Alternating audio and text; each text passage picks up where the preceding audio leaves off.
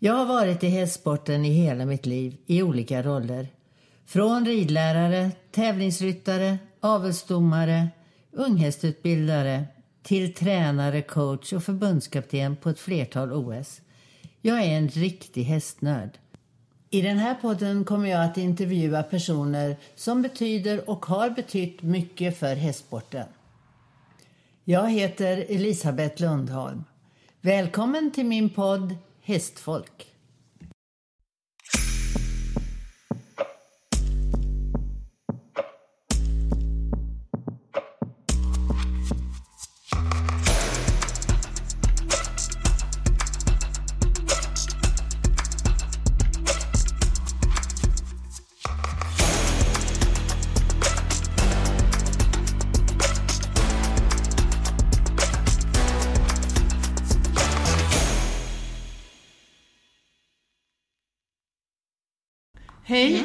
Välkomna till Hästfolk.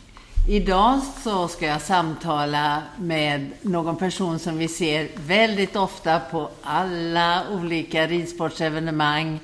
Och hon är alltid överallt och verkar ha en brinnande passion för det här med hästar och ryttare och tävling. Så välkommen idag Kim Lundin. Hej och tack så hemskt mycket för att eh, jag får komma hit och prata i podden med dig Elisabeth. Det var överraskande och väldigt roligt och jag känner mig mycket ärad det hela. Det är väldigt roligt att få prata med dig för vi ser dig ju bara skymta förbi med kameran och alltid väldigt flitig. Så jag har varit nyfiken på vad, hur kommer det sig egentligen? Men innan vi kommer in på det så skulle jag vilja veta hur skulle du beskriva dig själv? Det är aldrig så enkelt att beskriva sig själv som att beskriva andra. Men jag skulle nog säga, och en hel del som känner mig håller med, att jag är envis som en rödgris. Jag är extremt nyfiken. Eh, jag är både väldigt tålmodig och väldigt otålig. Det beror lite på. Eh, jag lever för att pussa på min lille Måns, som är hästen, och på min hund Sita och absolut på min man Lars. Det är vi fyra som är liksom en kvartett. Jag har gjort många saker i mitt liv och jag tror att det där känslan av att jag är inte färdig än, jag är inte färdig än. Vad, om du skulle, om du skulle börja från början. Hur, eh, hur började allting för dig? Jag är född i Hässleholm och eh, min hästbana började med att jag fick följa med pappa till Tyringes ridskola där han hade hästen Challe. Ett stort halvblod och jag gick väl ungefär strax ovanför knäna på honom ungefär, men han var snällare än snäll. Challe hade pappa köpt åt mina två äldre systrar som är 13 och 11 år äldre än mig. Då de var hästintresserade och pappa tyckte att det var nog en god eh, ekonomisk kalkyl att köpa en häst till dem. Det kanske det inte var, men eh, min pappa var en speciell person så han började rida själv. Och han red gärna och mycket, men kanske hellre än bra. Han eh, brann för att rida ut i skogen. På den tiden kunde man rida i full kareta, vi pratar 60-70-talet. Mm. Dagens ungdomar skulle få, få spela om de hade sett hur det gick till för dem. Men jag fick börja rida när jag var sex år, då hade jag tjatat i två år. Vi red i Tyringes lilla ridhus med Gert Bergström och Karin Bergström som lärare. Och eh, det var inlånade hästar. Det var ett litet ridhus. Jag tror att det var 10 gånger 30 meter och vi var säkert 12 stora hästar. Mina stigläder fick viras flera gånger om. Jag var jättearg i tre år för jag inte fick börja galoppera. Men hästar var liksom allt och det var jag och pappa som hade hästarna och det var Tyringe som gällde. Härligt. Det, det, det är ju liksom det här med 10 gånger 30 det var ju så på många ställen, de här små ridhusen. Ja. Och man förstår inte hur man fick in så mycket hästar. Det här med lånade hästar varje vinter, alltså privatpersoner som ställde in sina, person, mm. sina hästar på ridskolan och lånade ut dem mot några lektioner i veckan och så. Det gav ju vissa speciella förutsättningar. Jag, jag minns en vinter när det bara var dräktiga ston att använda till lektionsverksamheten. Och efter när vi kom efter jul så gick det ju inte att lägga sadel på dem. Då var vi 10-12 unga som red barbacka allihopa. Och hur många gånger trillade vi av på en lektion? Ja, fyra gånger eller fem gånger. Mm. Så fort det blev liksom att man skulle rida på två volter i detta lilla ridhus så stöp vi ju. Men det var ingen som pep. Vi satt upp igen. Det enda jag vet, minns en gång jag tappade en tand i en sån övning och jag och eh, Gert och Karins son Mats, som också red på lektion med mig, vi gick och letade efter den här tanden för man skulle få sina pengar från tandfen och det var förargligt att man inte kunde hitta den. Jag hittade aldrig tanden. Nej, det kan jag förstå. Men det, det, är en härlig beskrivning tycker jag utav hur det var. Väldigt annorlunda. Ja. Väldigt, väldigt annorlunda. Jag skulle inte säga att det var bättre, men... Det var nyttigare. Det var säkert väldigt nyttigt. Vi hade väldigt roligt mm. och det var danande, kan man mm. säga. Jag känner igen det där mm. från min egen början. Det var kul. Eh, sen då, efter att du hade börjat så, vad hände sen? Eh, hästlivet tog sig den riktningen att, att min pappa tyckte det blev långt att köra till Tyringe och han skaffade ett arrendestall utanför Hässleholm och började med ett inackorderingssystem. Vi hade byggde ut sju boxar i det här lilla arrendestallet. Vi var till familjen Sarvin i Hässleholm och det var ett annat stall tvärs över vägen där de faktiskt hade hingstation med rottebolt. Mm. Bröderna Sonny och Nonne Persson som var mm. profiler inom den lantliga ryttarföreningen på den tiden stod där. De och pappa red ut på helgerna. Nonne var mer seriös, tävlade ett fullblodsdjur som pappa köpte som hette Mia. Och mitt största minne av det är att de vann eh, fälttävlan, Let A-fälttävlan på den tiden i Gärds. Eh, och jag tror att jag, som kan, jag kan ha varit nio eller tio, jag sprang hela banan runt. Det var väl enda gången jag gjorde terrängsatsning tror jag faktiskt i hela mitt liv. Men eh, det var väldigt speciellt. Alltså, den lantliga tävlingsstrukturen med Hässleholmsgårdens, alltså Hässleholms lantliga ryttarförening mm. som hade tävlingar på Hässleholmsgården, samarbete med regementet, eh, terräng borta på Åhusfältet.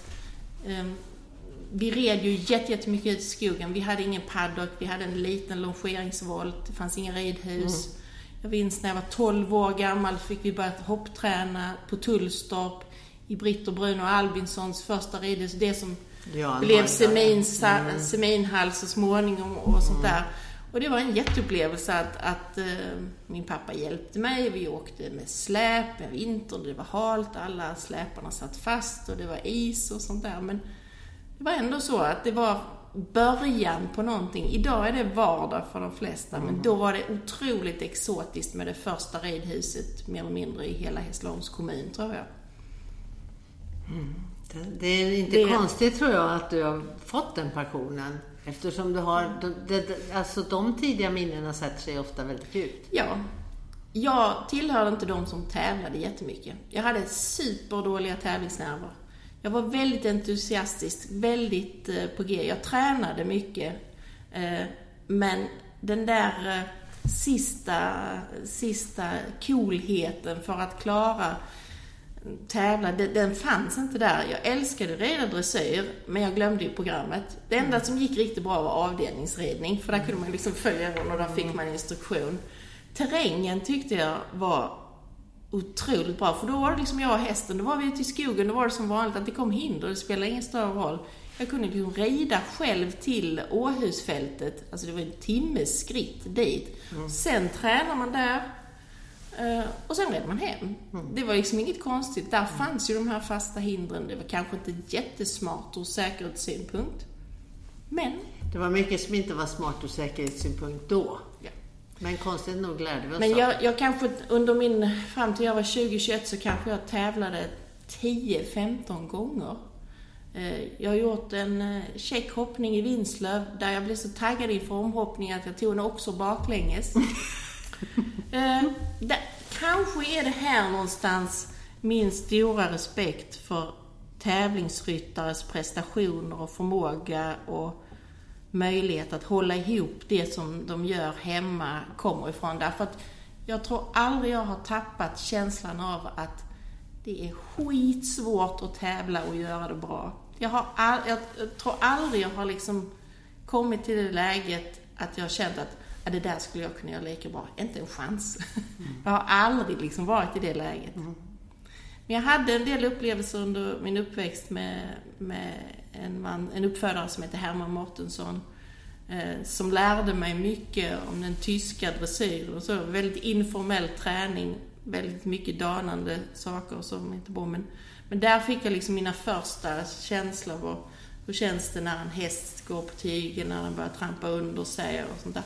Och jag kan känna dem, jag kan komma ihåg känslan när det stämde om det så bara var fem meter, när som helst. Alltså, mm. Jag kan känna det hårt re, reser sig på armarna på när jag tänker på det här takenerstoet Kronika som han hade hämtat från Polen och som var liksom som en turbohäst. Men när hon var med så var det så underbart. Um, och, det, och det där, det lever liksom med. Jag hade en annan vallack från honom som han köpte här på Flöjinge, på, när det fortfarande fanns auktioner på sådana sommaraktioner. Eh, en häst som han hade med lös i skogen fram till den var tre fyra år. Han inledde varje ridpass med att bocka en fyra fem varv på en volt. Ibland så satt man kvar, ibland så trillade man av. Men sen var det också underbart. Men det var liksom det. Mm. Därför så har jag nog också jag fick tidigt klart för mig att hästar är unika, speciella personligheter. Och att de är som de är, att man kan inte... Jag tror att jag alltid har haft känslan att man kan inte trycka in dem i en form. Eh, det upplevde jag att många försökte göra förr i tiden, kanske mer så än idag. Men jag har aldrig trott på det där att hästar jävlas med en. Aldrig någonsin. Och det kände jag mig lite som en enhörning på den tiden därför att det var ett hårdare, och det passade aldrig. Alltså skulle man behöva tävla, för, behövde man göra sånt för att tävla, då lät jag hellre bli och tittade på på de som var duktiga på det. Jag hade några idoler på den tiden. Maj-Kristin Enberg. Mm. Och fortfarande ja. tävlar uh, Och uh, det fanns ett skimmelsto som bodde norr om Hässleholm som hette Umbra. Mm. Eh, med eh, Gunilla Sjögren som red. Det, det, var också, det var magi att se.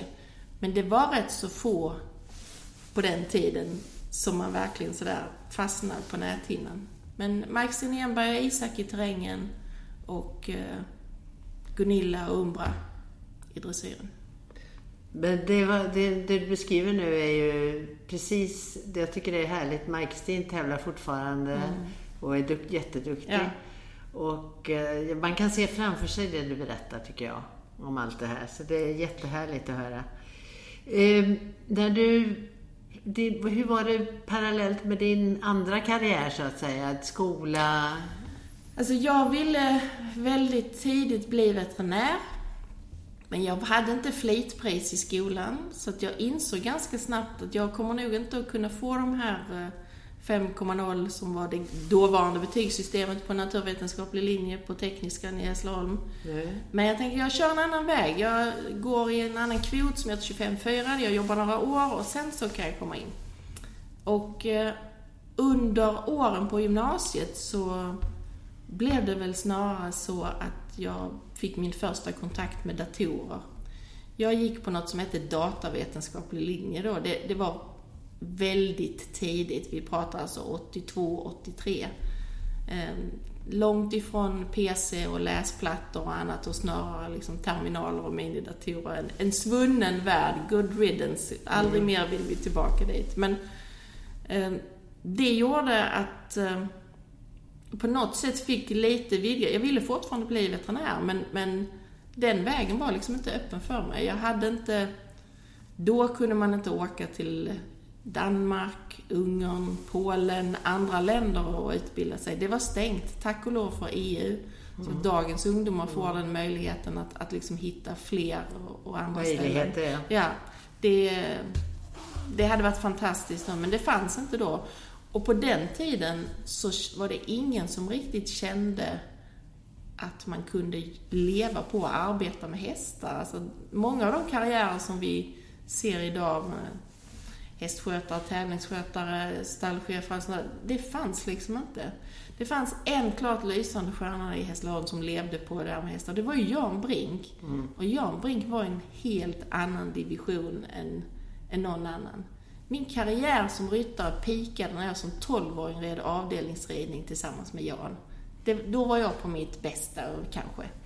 Han hade ju bara precis börjat och så. Men, men han var redan då ett unikum för att han verkligen skapade sig ett liv med hästar trots att han inte kom liksom från, från eh, det läget sen tidigare. Från början. Ja. Men det var ju ofta en vanlig fråga när man sa att man jobbade med hästar, så sa man, vad gör du annars då? Ja, jo men precis. Var ingen, vad lever du på? ingen förväntade Nej. sig att man skulle kunna försörja sig på, på ett liv med hästar. Så att jag lämnade faktiskt, jag lämnade hästarna, ehm, alltså det här med mycket ridning, rida andras hästar, rida in hästar. Jag lämnade det helt och hållet när jag var 20-21 och flyttade till Borås och började på ett traineejobb inom IT på Televerket. På den tiden det hette Televerket. Det som idag för nya yngre lyssnare är Telia. Så jag flyttade, jag lämnade liksom allt och flyttade dit. Eh, och jag klarade mig utan häst ett år. Sen höll jag på att få tuppjuck och då plockade jag upp en eh, oinreden femåring från den här Herman Mårtensson som jag hade just samarbetat med. Som, och eh, eh, red in honom och eh, hade honom då som hobbyhäst. Då hade jag tänkt att han skulle bli fälttävlashäst. Han var efter Brabant och sen ett eh, polskt sto med trakenerstam. Han ville överhuvudtaget inte hoppa. Inte överhuvudtaget. Så att, Det var inte riktigt i hans gener kan man kanske tänka sig. nej, och inte i entusiastgenren heller. Nej, Det fanns liksom. Precis. Men på den tiden så funderade man inte så mycket på specialisering. Då startade man upp en häst och började rida och så fick man liksom se lite, vad kan du bli bra på ungefär? Vi tänkte ju inte så som vi gör idag. Idag. När vi liksom har flera generationer specialiserad, inriktad, dedikerad avel. Är helt annorlunda. Idag vet vi att vissa linjer, de kan hoppa. Kanske inte vill eller kanske tycker om det av olika skäl, men de kan. Alltså, de har tekniken med sig. När du gick som trainee, vad var det du framförallt, vad hade du tänkt dig att det skulle sluta med och vad slutade det med så att säga så småningom? Vad, vad, där- vad gjorde du? Alltså, sanningen är ju att när jag började där så visste jag inte vad jag skulle göra. Nej. Jag var rekryterad till en tvåårig traineeutbildning. Det innebar att man gjorde praktik på Televerkets alla möjliga och omöjliga avdelningar i två veckor. Sen var man på Teleskolan i Kalmar i två veckor. Jag var eh, knuten till IT-avdelningen, ADB som det hette på den tiden med data. Och under mina år efter utbildningen där på Televerket så jobbade jag med, med IT-support, jag jobbade med projektledning, jag gjorde utredningar om nya arbetsrutiner. Jag gjorde allt möjligt som liksom förekom det. Och när jag sen efter fem år gick vidare så började jag på ett dataföretag som hette Diab Data. Som senare blev uppköpt av ett franskt dataföretag som hette Bull. Och jag jobbade på Linköping och på Stockholm och jag veckopendlade under nästan 6-7 års tid tillbaka till Borås. Och blev eh, projektledare inom telekommunikationssystem. Eh, Min arbetsgivare levererade system till Televerket. Om alla som har lämnat ett röstmeddelande i ett telsvar eller ett mobilsvar hos Telia jag är skyldig till delar av den applikationen från början Okej. och till de första platserna. Nu är de ju utbytta, omdanade och så vidare. Ja. Men här pratar vi 93, 94, 95. Eh, precis när mobiltelefonerna började. Min första mobiltelefon var fast monterad i en bil. Eh, och eh, efter det så började ju alla telebolag att komma på det att om man skaffade ett eh, telefonsvarsystem då blev det ett samtal som kunde debiteras. Och detta mobilsvar och telesvar, det tickade in miljoners miljoner till Telia, till de andra operatörerna. Så vi hade ju IT... De har inte, man har inte tänkt riktigt Nej. i de banorna. nej. Idag så är det inte så därför att idag så är ju samtal gratis och operatörerna konkurrerar med helt andra saker. Men då var det en moneymaker av stora mått. Och i det häradet jobbade jag fram till eh, 96, 97. Sen eh, blev jag faktiskt IT-chef på ett telemarketingbolag i Linköping och flyttade till Linköping. Eh, Så jag var chef där för vi började med 50 arbetsplatser, när jag slutade hade vi 300 arbetsplatser. Väldigt annorlunda. Mm. Och satt och utvecklade applikationer i, i, Lotus Notes som var ett programsystem på den tiden. Så jag har gjort väldigt mycket. Under IT-åren var jag tekniskt ställsöd och räknade på hur stora Unix-maskinerna skulle vara och sånt. Det är sånt ja. som ingen vet vad det är idag. Men... Nej. Men det är ändå det är väldigt eh, intressant att, ja. att höra att, när du berättar om det. För jag var lika, ska man säga, flitig och entusiastisk inom det området mm. som jag är idag. Jag tror att jag är väldigt mycket en person som är, inte för att sätta likheter med, med Peders eh, all in, men jag är mycket all in i det jag gör. Jag går mm. in för det till 150, ibland 200 procent. Ja, ska man orka bevaka alla olika ja. evenemang så, så får ja. man väl nästan vara det, eller hur? Men lång historia kort. Jag lämnade IT-banan någon gång vid 2003, 2004. För att jag ville jobba med något annat, något närmre det som jag en gång hade drömt om. Jag försökte utbilda mig till veterinär. Mm. Eh, jag kom in i, i Uppsala för nu var jag ju rätt kvult. Mm. Och det var det året de gjorde intervjuer med kandidaterna och då kvalade jag. Mm. Jag kunde tala för mig i alla mm. fall. Men så satte en hälsogrej stopp för mig att jag började flytta. Så att jag, jag fegade faktiskt ur där. Det är en av få grejer som jag har fegat ur i mitt liv. Men jag ville inte, samtidigt med att jag hade den här hälso-issuen, mm. rycka upp eh, familjen. Inte samma hästar, men samma man ja. och en annan hund och så. Jag ville inte rycka upp dem när jag inte visste om jag ens skulle kunna fullfölja ett, två, tre år. Så att jag fegade ur och blev aldrig veterinär. Istället så kör, började jag köra, jag läste i Köpenhamn några år på agronomutbildningen där på deras motsvarighet till SLU. Jag har läst en, inte en miljard, jag har läst många enstaka kurser om häst. För nu hade jag tanken att nu ska jag göra någonting annat, nu ska jag göra någonting med häst på ett eller annat sätt. Jag kunde inte rida. Jag kände inte riktigt att jag kan bli tävlingsryttare. Jag mm. kände inte riktigt, jag hade, jag hade inte lättare för att tävla i vuxen ålder än vad jag hade som tonåring. Så det var aldrig aktuellt. Men däremot så tänkte jag att jag måste kunna göra något för att hjälpa hästar. Jag måste kunna göra något för att liksom bidra. Men det var nog inte där som det var. Jag hade webbutik i några år. Och sen så gled jag in på skrivandet på ett riktigt bananskal genom att rapportera från Ystads nationella dressyrtävling 2006 till tidningen Ridsport. Det var så det började alltså? ja. Det är ett veritabelt bananskal. Det, det är rätt härligt. Ja. Det var, det var brytpunkten. Det var brytpunkten. Det tycker jag är, det är liksom, du har ju gjort så himla mycket så att du var väl säkert, då var du säkert färdig med så många saker så du visste vad du ville göra, eller? Eller ja, tvekar du alltså, fortfarande lite grann och tänker att hela tiden ska det gå framåt? Ja. Eh, jag, när jag jobbade med teknik och, ja. och projektledning sånt så mm. var jag väldigt, väldigt angelägen om att alltid arbeta så. med teknikens framkant. Och det har jag velat göra på alla sätt därför att när man har jobbat inom IT-svängen så ser man ju hur snabbt saker och ting ja. Utdateras, blir föråldrat det är den bransch där det är liksom en ständig förändring. Idag så ser ju konsumenten det också genom mobiltelefoner och datorer som inte lever mer än ett, två, max tre år. Och det är inte för att hårdvaran och själva burken är utan det är för att programvaror och sånt blir föråldrade. Det, utvecklingen springer ifrån det. Så därför så, jag har alltid känt det här att man måste hålla sig i framkant, vad man än håller på med. Man måste ta till sig ny information, man måste ta till sig ny kunskap. Det går inte att stagnera. Stagnera innebär död. Mm. För mig. Mm. Och så, så har det alltid varit. Och det går ju så fort idag, ja. allting. Så att mm. det är helt otroligt. Din, din, jag tänker på det också, för det, din drivkraft där har ju, den har du förklarat faktiskt. Mm. Att du hela tiden vill se utvecklingen och mm. vill vara med i framkanten.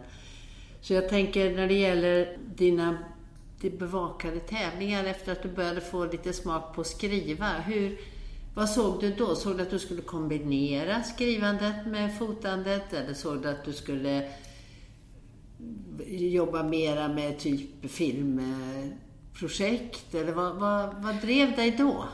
Alltså nu är vi ju i avdelningen pinsamma avslöjanden igen här snart känner jag.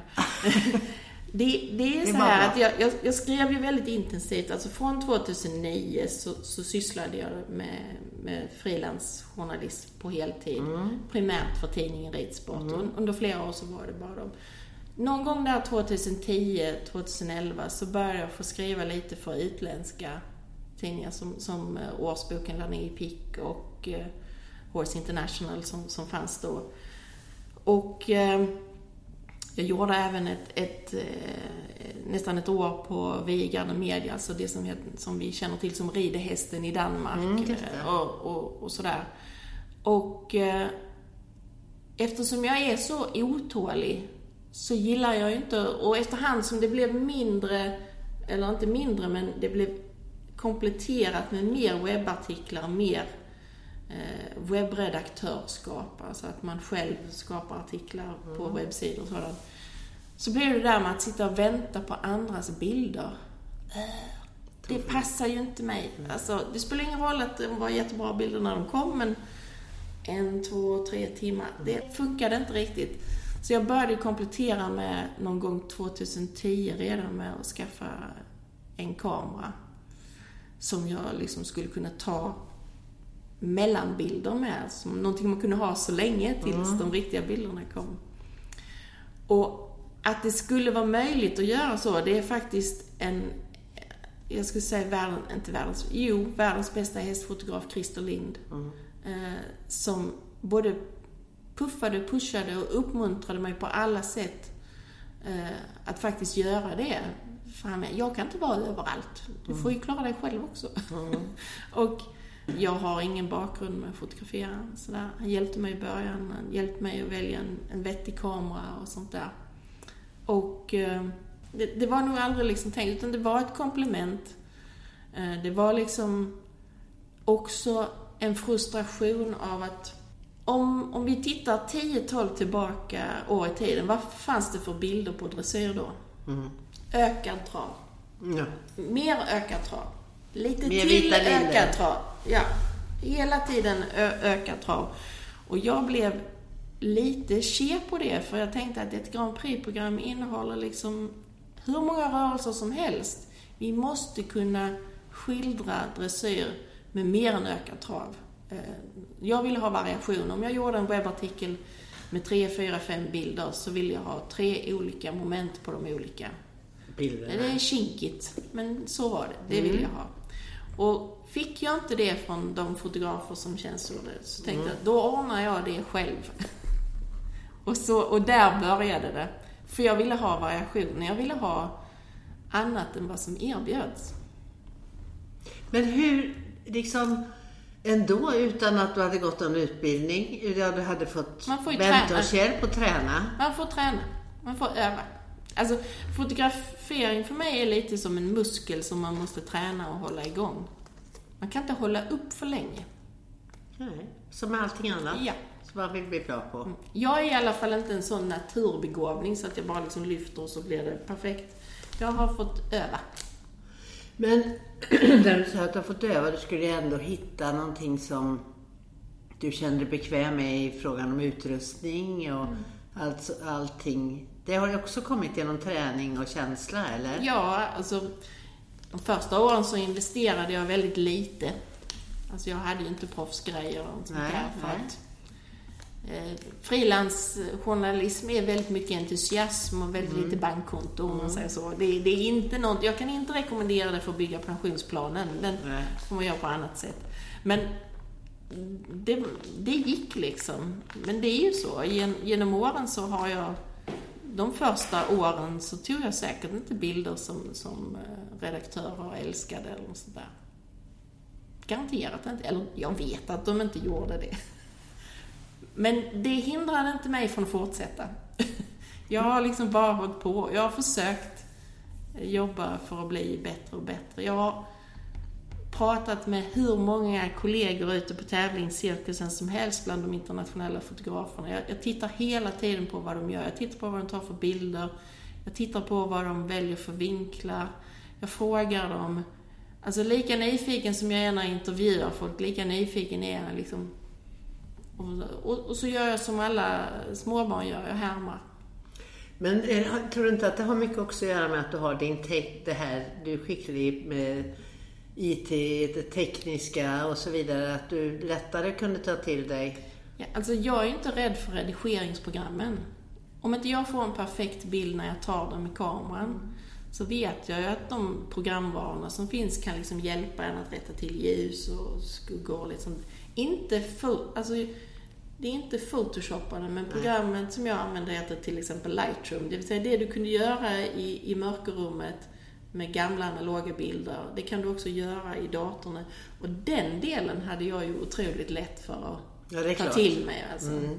Eh, och jag lärde mig hur man massbearbetar bilder som är tagna med en kamera som kanske inte riktigt orkar med svårt ljus och så. Det, jag har liksom det andra har kompenserat med riktigt vass utrustning har jag kompenserat med timmar framför skärmen. Så kan man säga. Men man kan också, det, det är lite nyfiken på men när det gäller dig, det är att jag tror att du också, alltså du är väldigt teknisk och du kan det tekniska och du har mm. lärt dig genom att träna och så vidare. Men på något sätt måste du också ha kopplat in känslan. Jag menar vad du ser, du ser i en lins, det, vad du ser det här, nu det här ögonblicket det, gör jag. Det, det är ju känsla, eller hur? Det, ja, det hoppas jag att jag gör. Mm. Alltså, det andra är ju bara verktyg och redskap. Jag, jag hoppas, alltså min yttersta önskan med de bilder jag tar är ju att den kärlek, respekt och beundran som jag känner för ekipage, oavsett disciplin faktiskt, för jag är rätt så jag är väldigt glad för inte bara dressyr utan även för hoppning och fälttävlan. Ja, när, när, det är, när det är riktigt bra. Jag, jag, bara önskar att mina bilder ska visa det. Hur bra det är och hur fräckt det är i terrängen. Liksom, när de här hästarna som liksom går som målsökande missiler ögon, ögonen på ryttaren står rätt ut och, och öronen på hästen är liksom pekar fram. Jag, jag, bara önskar att jag kan fånga det och att det syns. Att det jag har sett följer med mig hem och ut. Så där är ju känslan. Alltså, jag vill att bilderna ska vara lika livliga, livgivande, stimulerande som själva eh, händelsen var i verkligheten. Man plockar med en liten, liten bit av, av det som hände live in i bilden i rapporteringen. Det, det är känslan. Och det, när jag sitter, alltså när jag applicerar tekniken så är det ju känslan jag försöker återskapa. Så är det ju. Det, det är ju helt riktigt. Utan känsla så blir det väldigt dött och väldigt mekaniskt. Alla kan ta det korrekta momentet, mm, alla precis. kan ta...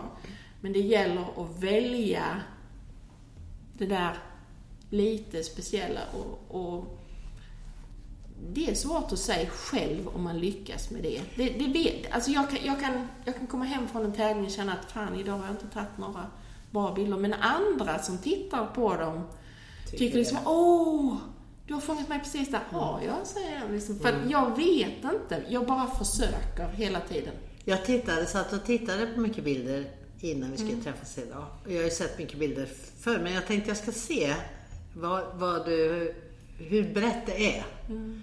Och du har ju gjort mycket internationellt, har du ju också hittat och fångat olika andra saker mm. runt om. Så därför är jag lite nyfiken på det här med vad du du, du ser vad du ser i linsen men vad du känner samtidigt. Att kunna kombinera det du ser med vad du känner för mm. den bilden. Det, det, måste vara häftigt. Ja, ibland så känns det ju som att det där var exakt mm. så det var. Mm. Men det är ju inte jättemånga gånger man känner att man lyckades få exakt. Jag menar, lika många gånger som man känner att nu kommer det här rätta momentet så går det en åskådare rätt över banan och så är det borta. Men det är väl som att rida. Man tror ja. att man, de där fantastiska momenten när de kommer, mm. men dessemellan är det väldigt många moment ja. som inte är och genom åren så kan jag ju känna att ofta kommer ryttare ut från banan och svär och sånt där. Och jag säger, men i kameran såg ni hur fina ut som mm. helst liksom. Och det, det är skillnad på hur det känns för dem och hur det ser ut för mig. Så, så är det ju. Mm. Och det är ju skönt det emellanåt, för annars skulle det vara svårt för dem. Ja, man kan inte alltid lita på sin känsla. Nej. Och speciellt inte i en bedömningssport där Nej. det är betraktaren som sätter ja, vad man har sett. Alltså. Men du, om vi, om vi tänker också på det bildmässiga, dina, det du filmar eller mm. det du sänder när du sänder ifrån en hingstprov till exempel mm. och samtidigt kombinerar bild och berättelse. Mm. Vad, vad, är ditt favorit, eh, vad ska jag säga, favoritmoment? Är det när du får kombinera det? Eller är det när du skriver och författar? Eller är det när du fotar? Det där är ju svårt att säga. Därför att som frilans så är man lite mm, paid by the hour. Man gör mm. det som, som, ger, eh, som ger inkomst. Självklart. Och en grundtes för mig är alltid att gilla det jag gör. Mm. Annars blir det inget bra. Men om du fick välja? Men, men, om jag, men, men det är ju så, jag är ju glad för att prata. Eller hur? Ja, det måste jag, man det måste. jag, jag är glad för att prata och det gör, och just den där kombinationen av, av för ibland är det lättare att prata och berätta om saker, att låta åhöraren se i bild vad man menar och så lägga sin egen röst till det. Alltså typ som en kommentatorsröst till en film eller, eller därför att text kan ibland bli kallt och hårt även om man inte har haft den ansatsen. Det, det vantolkas mycket mer än när folk kan se en och höra vad man säger och se hur man ser ut när man säger det och på ett eller annat sätt liksom lägga en dimension till. Och jag kan nog känna att genom åren så har jag blivit minst missförstådd mm. när jag har kunnat lägga min röst till, visat bilder, visat film och gjort någon slags collage av det. En bättre pedagogisk situation? Ja, alltså mm. jag, jag känner mig mer nöjd mm. med det. Därför att då har jag gjort så mycket jag kan för att, för att det jag verkligen menar ska gå fram. I text så har jag ju sett många gånger att liksom mina texter har blivit fullständigt felaktigt tolkade eh, med förödande konsekvenser och det gör ju ont. Mm. För du kan inte, du kan inte gå i polemik med alla som har en uppfattning. Nej. Du kan inte gå i försvarsläge. Det, jag vet innerst inne, det är inte fel på det jag skrivit, det är inte fel på det jag tycker. Men det gör mig ont när det tar den vägen till eh, att eh, ryttare kanske blir illa utsatta för något jag har skrivit eller det riktas näthat mot mig eller mot eh, tidningen som jag representerar vid det här tillfället. Det är den det är liksom avigsidan med skriven text. Och då kommer jag automatiskt in på det, du som nu ser så mycket, kan med så mycket. Vad, hur ser du på det här med sociala nätverk och hur det används? I frågan om ibland kanske, ja inom häst, häst bland hästfolk. Mm. Har du tankar runt det? Ja, alltså det sociala medier, eh, om vi pratar Facebook, Instagram, TikTok. Det är både underbart och avskyvärt. Och jag tycker det är underbart därför att det på många sätt har fört ut eh, vår sport och, och vår, vårt liv och vår kärlek till hästarna och så. Men jag har i många år eh, faktiskt varit både förfärad och förskräckt över vad folk är beredda att skriva. Jämfört med när du träffar dem öga mot öga. Jag vet ju människor som har skrivit fruktansvärda saker om mig.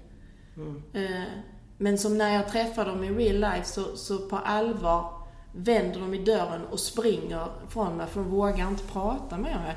Och den sidan att vid tangentbordet, på din egen kammare, så, så blir det lite som eh, att människor förlorar sitt filter.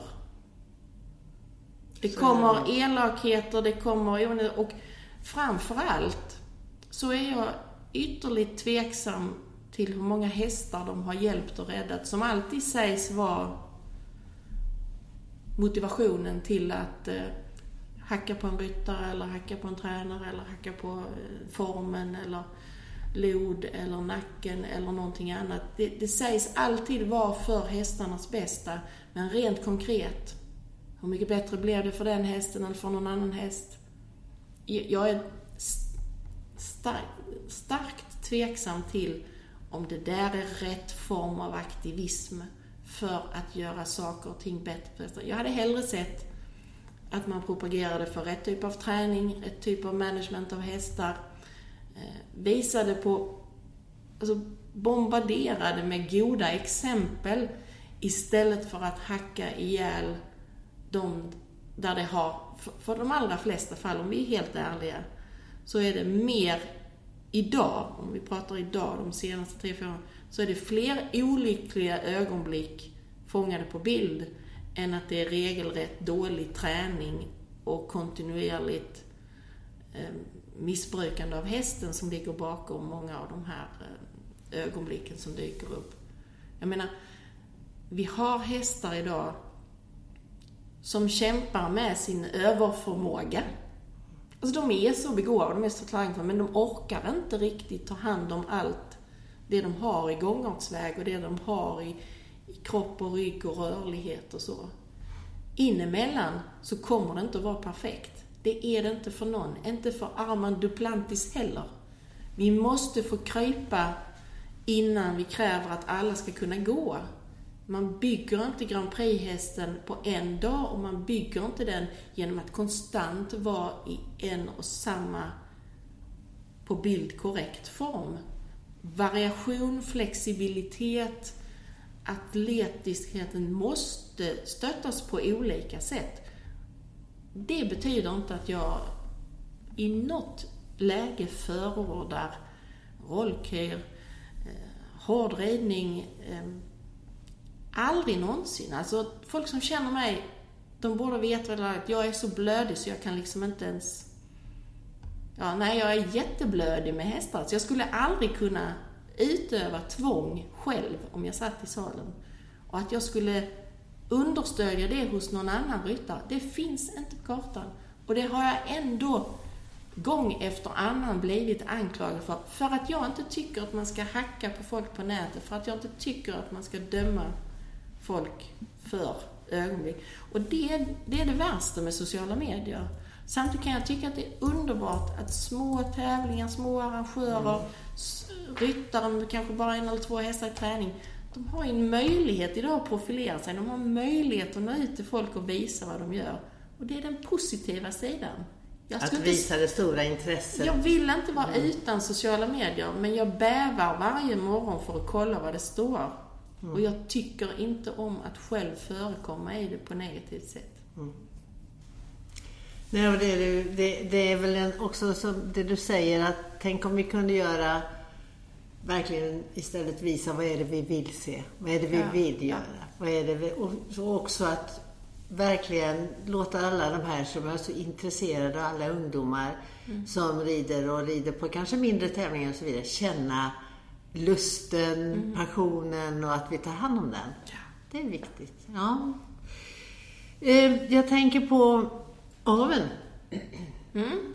Den eh, förstår jag ligger dig varmt om hjärtat. Ja, det, det är spännande med avel, mm. eller hur? Vad är det som, ja, absolut. Vad är det som, som gör dig fascinerad? Jag tror att det som en gång i tiden började göra mig så fascinerad, det var det här mångmiljontombolen. Mm. Det är ju så med avel. Du kan plocka fram ett jätte, jättefint sto, en jätte, jättefin hingst. Och för det mesta blir det rätt så bra. Men det kan också bli något helt annat. Och precis på samma sätt så kan du ta en ganska alldaglig madame sto som du kanske har haft en tröja och så väljer du en hygglig hingst och plötsligt kommer någonting som är jätte, jättefint. Mm. Det är vi ultimate russian roulette mm. på ett positivt sätt. Men, men framförallt så när man studerar det lite mer ingående och inte bara ytligt så Livets fortplantning är ju intressant om det så gäller hundavel eller vad det gör. Men det här att planera för vad är det jag vill ha, vad är det jag söker, hur skulle, alltså man, när man sysslar med avel så sysslar man ju med drömmar och projiceringar. Alltså vad är det jag vill se framför mig? Och uppfödare, de, måste, de har, alltså de allra flesta jag har träffat, de har ju liksom den här inre projektorn som snurrar med filmer på deras framtida, och en del av de allra, allra bästa uppfödarna, de har ju en sån projektor som går en generation, två generationer, tre generationer. Om tre generationer, då ska jag ha en häst när jag sover. Det är riktig, riktig avel. Och den talangen, det är ett slags genetiskt spatialt seende som, som ytterst få människor har, men, men som är oerhört imponerande att titta på och lyssna på. Och, och, och där kan jag tycka att det, uppfödare är de tålmodigaste människorna som finns. Verkligen. Jag menar, tänk på cykeln och tillverka en häst. Tänk på cykeln och se att en häst lyckas. Alltså vi pratar ju inte år, vi pratar ju decennier. Mm. Och för mig så är det Alltså jag, jag hyser lika stor beundran för, för uppfödare som, som kämpar på och som jobbar och, och som hela tiden, för, för det är människor som verkligen förkovrar sig hela tiden, som hela tiden studerar vad är nästa steg, vad ska gå vidare, vad blir bra, vad blir inte. Alltså de är ständigt utvärderande av sig. Det här att svenska uppfödare och andra uppfödare inte är tillräckligt kritiska mot sina egna eh, produktionsresultat det är jag inte så himla övertygad om. Jag vet att det sägs många gånger, men jag träffar faktiskt fler av den sorten som knappt kan liksom tycka att eh, den nyblivna finalisten i Breeders är tillräckligt bra egentligen, men de skulle ju haft mer av sig eller så. Alltså de är så kritiska mot sina egna grejer. De är aldrig nöjda. För de har generation 2, generation 3 framför ögonen. Och de är nästan där. Det har inte hänt än, men de är nästan där. Och det är så spännande. Jag är inte avelsnörden som går sex, sju generationer bakåt och hittar eh, att det är förmodligen den hingsten mm. i sjätte led som heter. Därför att jag tror helt enkelt inte på det. Om man tittar på hur många andelar, om vi har häst 1 här och mm. så tittar man på tredje, fjärde, femte led och så hittar man en gemensam jämnare. Hur stor andel av den hästen finns det kvar? Det är så försvinnande lite. Mm. Jag Absolut. tittar på, på far, mor, morfar och kanske ett led till. Mm. Men sen är det fucking nonsens. Mm. Nej, det är det inte nonsens. Men, men att dra stora slutsatser av vad som händer i fjärde och femte led, nej. Och det säger ju också Då, då skulle man ju liksom inte ju... kunna förbättra någonting till nästa led, Nej. om det gamla led. För, alltså, för mig går inte det ihop. Ja, och där finns det ju mycket forskning gjort på just det och det finns ju blupp och det finns ju olika men, sätt att mäta det. Men jag tycker det du belyser här med, med, med det uppfödarens förmåga att se mm. långt fram, att ha ett mål, mm. ett långsiktigt mål och mm. verkligen det det tycker jag också det är otroligt fascinerande. Mm. Att gå orka och ha den passionen. Mm. Och när du visar på det här med dina bilder, var engagerad i, i Hernings, i till exempel i Danmark, i Sverige, var det än är. Känner du, jag förstår att du känner lust för att göra det. Men känner du också att, oh, här har liksom kommit till nya människor eller här har hänt någonting i tänket eller märker du en utveckling? På kort ja, sikt också? Ja, alltså jag menar, jag, jag tycker bara bara att se hur, hur stor utveckling det är till exempel i Holland. Som när jag började åka, jag har inte hållit på med det här i, i, i många decennier själv, mm. så jag, jag, kan inte, jag har kanske följt av men jag har inte riktat läst, tittat och sånt i så många tid. Men jag kan ju se skillnad på vad det är de söker hos hingstarna 2008, 2009, 2010 jämfört med nu mm. i Holland. Alltså, pendeln har ju svängt oerhört mycket i vad det är man premierar, vad det är man sorterar fram. Och man lyckas påverka en sån viktig egenskap som skritt till exempel. Men det är ju så, om vi idag bestämmer oss för att passgång är det bästa som finns. Mm. Vi ska ha alla hästar. Då skulle vi ju faktiskt kunna på mindre än två generationer få fram ett stort antal hästar. Mm. som går passgång. Mm. Så det handlar ju mycket om att vad bestämmer vi oss för är bra? Mm. Och det har man ju sett i andra, alltså jag är ju primärt inriktad på varmblod. Men om man tittar lite på andra avelsförbund och andra raser, till exempel mm. araberna, mm. så har de ju bestämt sig för vad de tycker är fint med de här konkava nosryggarna mm. och väldigt mycket uttryck och sånt där. Man ska ju se ett så lite skrämmande exempel hur fort det kan gå åt kanske för mycket. Eh, att det blir lite som, för hundavel har vi ju ett antal exempel där man liksom har dragit sina skönhetsideal mm. på ett sätt som negativt påverkar individerna. Mm. Det tycker inte jag att vi har i varmblod. Det har talats en del om överrörliga dressyrhästar och sånt där. Men jag tycker att det är trots allt ett mindre problem. Det positiva är att vi idag har mycket bättre ridbarhet än vad vi hade för 10-12 år sedan. Vi har haft hästar som har haft god förmåga i 15 år. Men de sista fem åren så är det färre sådana som snurrar runder, stressar, svettas, eh, blir nervösa. De är mer lugna, mer harmoniska och för mig så säger det att de kommer vara lättare att rida och lättare att hantera. Och vi kommer inte ha så mycket, det är röda blommor på, på banan och därför kan inte jag rida mitt program. Och, Den och ursäkten menar du? Nej. Ja. Mm. Mm. Jag, jag har full förståelse för allt. Alltså, jag vet att, att vissa saker kan bli en total showstopper. Jag säger ingenting om det, men vi kommer ha färre av de individerna med den positiva riktning aveln har tagit. Om vi tittar på hoppningen mm. så är det ju otroliga atleter som produceras mm. idag. De är ju så duktiga och så, de är så begåvade. Så om någon hade visat en sån häst för mig för 15-20 år sedan, så det där måste vara trickfilm. Mm. Men så är det inte. De är så bra. De är så bra. När du är ute på stora tävlingar, vad är din favorittävlingsplats? Jag tror att den, den, alltså om vi pratar i Sverige så är det ju inomhus så är det Göteborg, utomhus är det Falsterbo, utomlands så är det Aachen, alla mm. kategorier. Mm. Aachen har allt. Och Aachen är till största delen oerhört bekvämt för både journalister och fotografer att jobba på. Alltså där är bra förutsättningar för oss att göra jobb. För att det är nära till olika saker eller för att det blir Det är nära, mm. vi bereds plats. Mm. Både att, att sitta och arbeta, vi bereds plats inne på banan. Eh, det bereds plats i form av fotofickor ute på terrängbanan. Det enda lilla plumpen i protokollet är att det är otroligt dåliga vinklar på dressyrbanan. Och jag har fått mer, minst en tuja i varje bild mm. när man försöker stå på. Det är den enda. Men annars är det liksom, det är bra förutsättningar. Vi får komma överallt, vi kan se allt. Det är rätt så nära.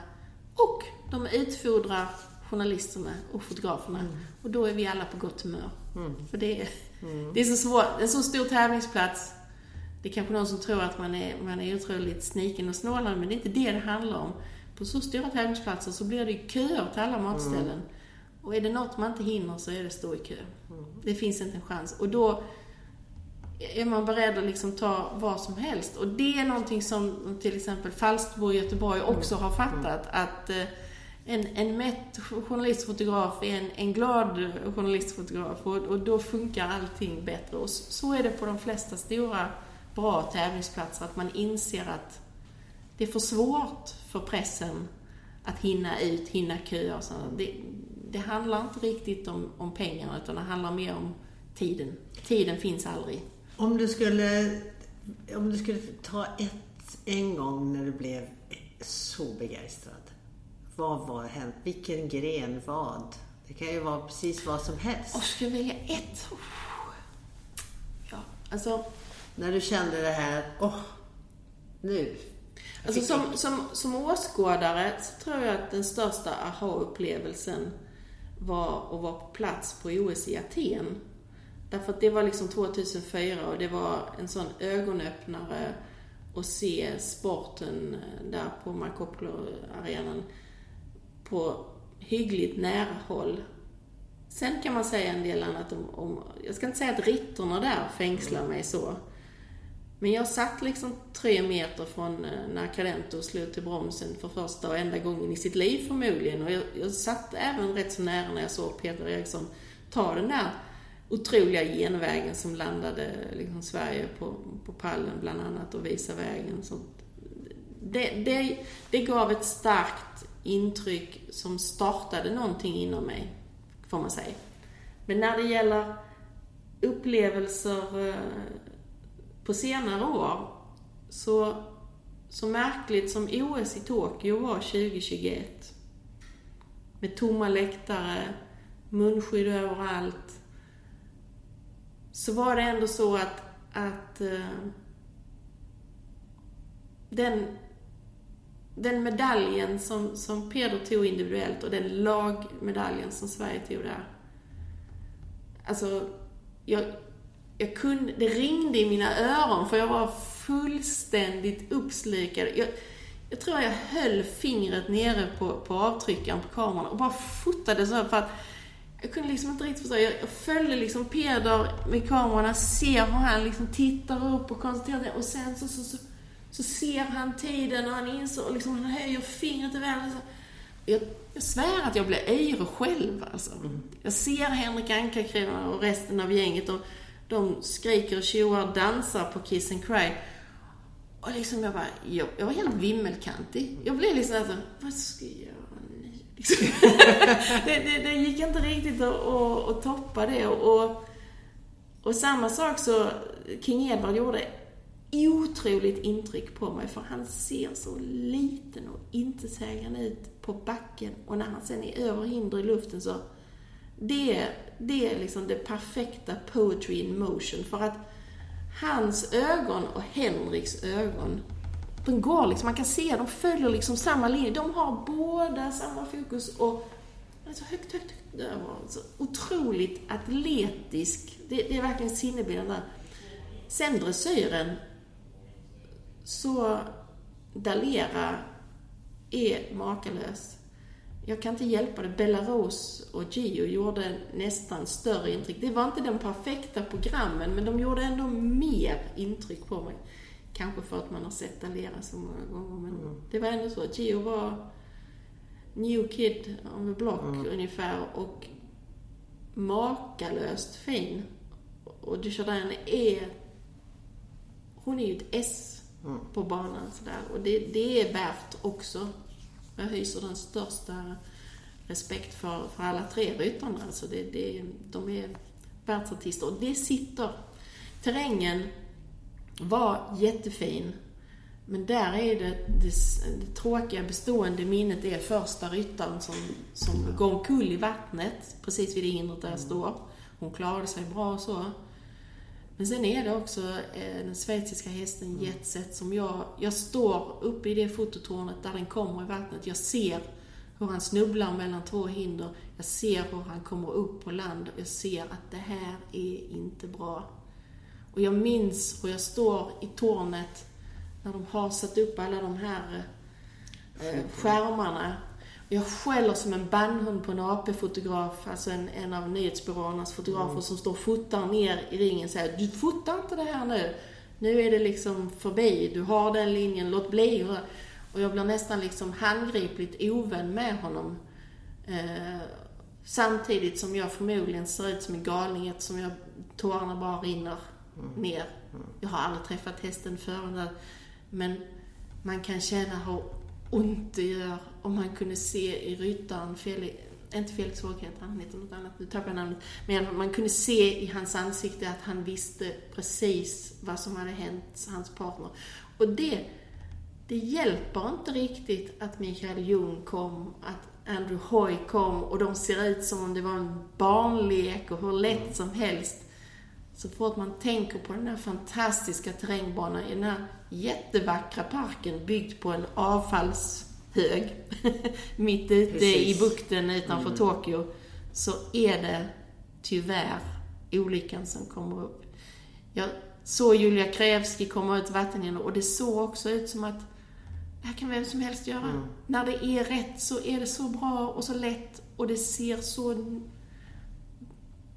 säkert många skulle hålla med, men det ser så naturligt ut. Mm. Det ser verkligen att detta är deras rätta element. Då är det som det ska vara. Eh, om jag tänker så här, om du inte hade gjort något av de här sakerna som du har berättat om nu med din tekniska, din IT, din fotograferande, ditt författande, din filmning och allting sånt som du har gjort. Vad skulle du ha gjort då? Har du någon sån här hemlig liten dröm? Ja, veterinär sa, har du sagt. Ja. Men är det någonting nu, för efter att man kommer lite längre fram i livet så präglas man ju kanske av olika saker. Finns det någonting annat som du tänker så här, okej, okay, om jag får tid, då ska jag göra det här? Alltså, jag, jag tror att jag gärna hade rest ännu mer. Men jag har ju en ultimat dröm och det är ju att ha en, en stor bil, eh, en stor husbil med släp och Lillemånsen på släp och ett portabelt elstaket och lasta in mina djur och maken och så ska vi åka runt på tävlingarna jag kan fota och, och han går i någon sån temporär hage lite här och där och så att de är med mig. Det är väl den ultimata drömmen. Men jag har nog faktiskt inte någon riktig annan yrkesdröm egentligen. Jo, Eller mål. alltså jag, jag, jag, tror, jag tror att hade jag, hade jag satsat tidigare så hade jag nog försökt att bli eh, eh nyhetsreporter på TV eller något i den stilen. Mm. Om, jag, om jag hade haft, om, men det krävs, jag tror att jag har kanske de intellektuella egenskaperna för att göra det, men jag är inte riktigt så bildmässig så att det ens i min ungdom hade varit aktuellt. Jag fyller liksom inte kvoten där, men jag hade jättegärna fått prata. Jag gillar ju att prata. Men du gillar också när det händer saker. Ja. Det har vi det, det, har ju kommit fram här att det är mycket och att du lever dig in i det. Jag tycker det har varit jätteintressant. Mm. Tack Kim för att jag fick ha det här samtalet med dig. Ja. Det var jätteroligt. Mm.